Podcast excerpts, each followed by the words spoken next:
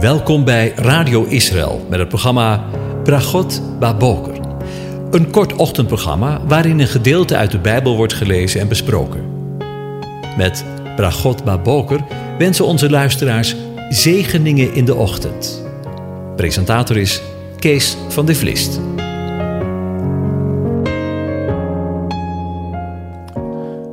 Goedemorgen, Bokatov, beste luisteraars. Vanmorgen denken we verder na over Psalm 90.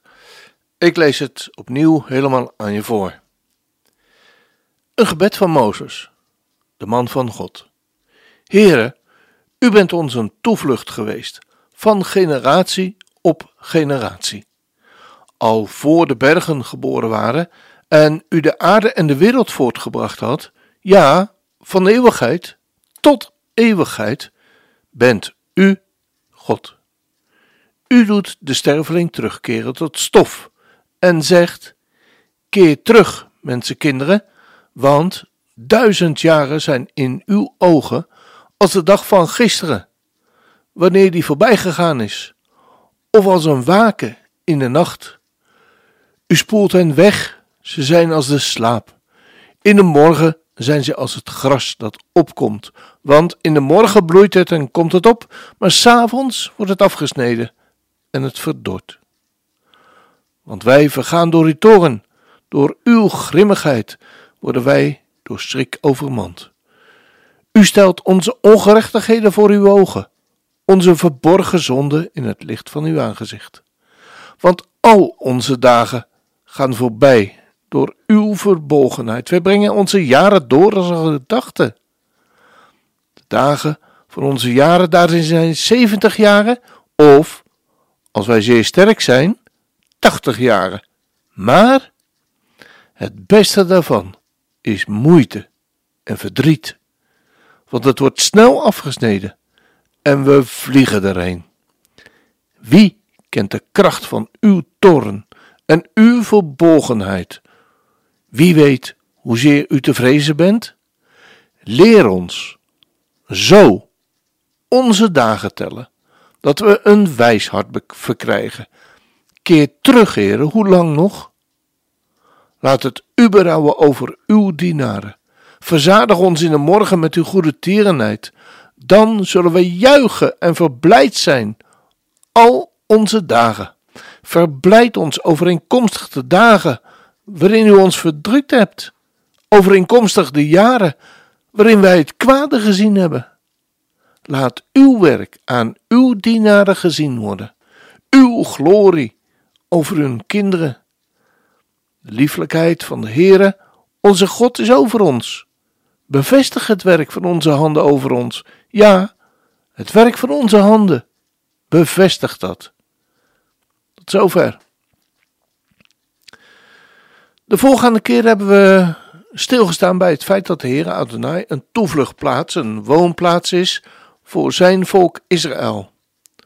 En vandaag wil ik stilstaan bij het feit dat dat niet alleen vroeger was, in het tijdperk van de Bijbelschrijvers, in de tijd van Mozes, en de tijd daarvoor en daarna, maar zo was het ook de onveranderlijke belofte van de Heere God, Adonai, voor alle eeuwen en door alle eeuwen heen. Ook anno 2021, ook in die verschrikkelijke jaren van verbanning, eeuwen geleden, maar ook in de jaren 40, 45. Ook toen was hij een toevluchtplaats door alle eeuwen heen. Want, zegt Mozes, Heere, u bent ons een toevlucht geweest van generatie op generatie. En ook al begrijpen wij er helemaal niks van, begrijpen wij niet op welke manier Adonai in de jaren van bijvoorbeeld de Tweede Wereldoorlog een toevluchtsoord voor zijn volk was, toch is het zo. Waarom? Gewoon omdat het er staat. En Gods woord is de waarheid. De waarheid met een hoofdletter. Tijdens de voorbereiding werd ik gewezen op wat we lezen in Ezekiel 11, waar we vanaf vers 16 lezen. Zeg daarom, zo zegt de Heere Heere, Adonai JHWH. Hoewel ik ver ben weggedreven, heb ik onder de heidevolken en hoewel ik hen in hun landen verspreid heb, toch zal ik voor hen een heiligdom zijn. Hoe kort ook, in de landen waarin zij gekomen zijn. Ik lees het nog één keer. Zo zegt de Heere, Heere. Hij is dus helemaal bij betrokken. Hoewel ik hen ver weggedreven heb, onder de heidevolken, en hoewel ik hen in de landen verspreid heb, toch zal ik voor hen een heiligdom zijn, zodat ze daarin kunnen wonen, hoe kort ook, in de landen waarin zij gekomen zijn. Zeg daarom, zo zegt de Heere Heere, ik zal u verzamelen uit de volken en ik zal u bijeenbrengen uit de landen waarover u verspreid bent en ik zal u het land Israël geven. Zij zullen daarin komen en daaruit al zijn afschuwelijke afgoden en al zijn gruweldaden wegdoen. Ik zal hun één hart geven en een nieuwe geest in hun binnenste. Ik zal het hart van steen uit hun vlees wegdoen en hun hart van vlees geven, zodat zij in mijn verordeningen gaan en mijn bepalingen in acht nemen en die houden. Dan zullen zij mij een volk zijn en ik hun een God zijn.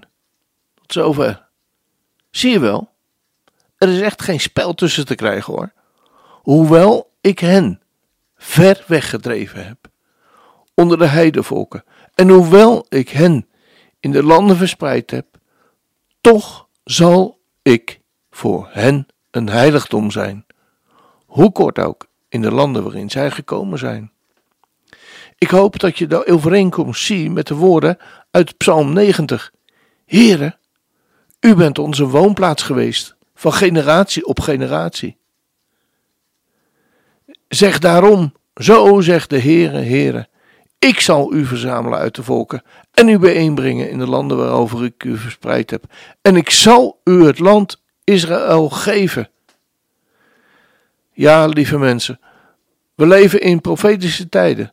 Want als het ene waar is, dan is ook het andere waar. Wanneer hij zegt dat hij een woonplaats voor zijn volk is, dan is het ook waar dat hij nu zijn volk aan het verzamelen is uit al de volkeren.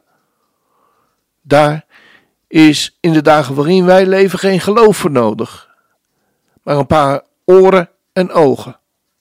We zien het notabene haast, zou ik zeggen, voor onze ogen gebeuren, elke dag bijna, dat er vliegtuigen uit alle windstreken in Israël landen, waarin mensen die tot zijn volk behoren, thuis worden gebracht, alleen maken, opgaan. De Heere, Adonai, is trouw aan zijn eigen woord. Na 45, na 1945 had niemand bewijzen van spreken meer een cent gegeven voor het volk Israël. Had niemand meer een cent gegeven voor de Joden. Maar weet je, het Bijbels principe is nog altijd waar. Leven ontstaat uit de dood. Wij mensen moeten sterven, willen we leven. Denk maar aan de graankorrel. Denk aan de Messias, die drie dagen en drie nachten in het graf lag, maar opstond uit het graf. En zo was het ook met de Joden, gedood door de ovens, tijdens het verschrikkelijke satanische nazi-regime. Maar zie, Israël leeft als nooit tevoren. God is hun woonplaats, van generatie op generatie. Dat blijkt me weer. Het is al een poosje geleden dat ik een voorganger van een gemeente met wie ik een wandelingetje maakte en dat Israël te sprake kwam, hoorde zeggen: Ik heb helemaal niets met Israël. Ongelooflijk. Sorry hoor, maar ik begrijp er helemaal, maar dan ook helemaal niets van. Ezekiel heeft het door God geïnspireerde woord, het door God geïnspireerde woord opgeschreven, als hij schrijft in het 32e hoofdstuk: Zij zullen mij tot een volk zijn, en ik zal hun tot een God zijn. Ik zal hun één hart en één weg geven, om mij te vrezen alle dagen ten goede, en hun kinderen na hen. Ik zal een eeuwig verbond met hen sluiten. Ik zal mij van achter hen niet zal afwenden, opdat ik hun goed doe. En ik zal mijn vrezen in hun hart geven, zodat zij niet van mij afwijken. Ik zal over hen verblijden en hun goed doen. En ik zal hen in getrouwheid in dit land plaatsen. Met heel mijn hart en met heel mijn ziel. En dan niks met Israël hebben? Hoe durft een voorganger van de gemeente, die het tot zijn verantwoordelijkheid heeft om een kudde te leiden, het in zijn mond te nemen? Sorry hoor. De God van hemel en aarde heeft, zo lazen we, zijn hart en zijn ziel aan dit volk verpand. Hij zegt: Ik zal mij over hen verblijden en een goed doen. Wat een onuitsprekelijke, geweldige en soevereine God hebben wij mogen leren kennen. Als dat geen zegen is. We gaan luisteren naar een opname van Nederland zingt. Sta op, o kinderen van Israël. En Gods volk wordt uitgeleid.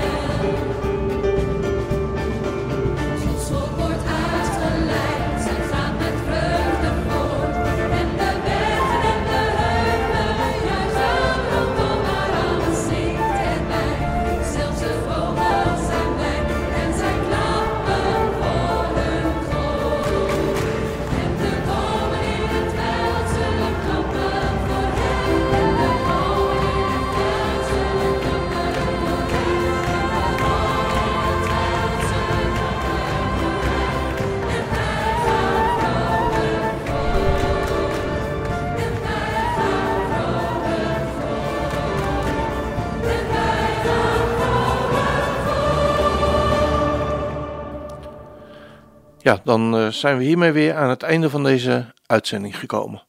En wens ik u God zegen toe. De Heer zegene en hij behoede u. De Heer doet zijn aangezicht over je lichten en zij je genadig. De Heer verheft zijn aangezicht over je en geef je zijn vrede, zijn shalom. Amen.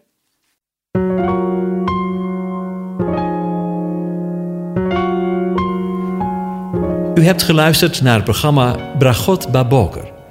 Een kort ochtendprogramma waarin een gedeelte uit de Bijbel wordt gelezen en besproken. Wilt u het programma nog eens naluisteren, dan kan dat. Ga naar radioisrael.nl en klik onder het kopje radio op Uitzending gemist.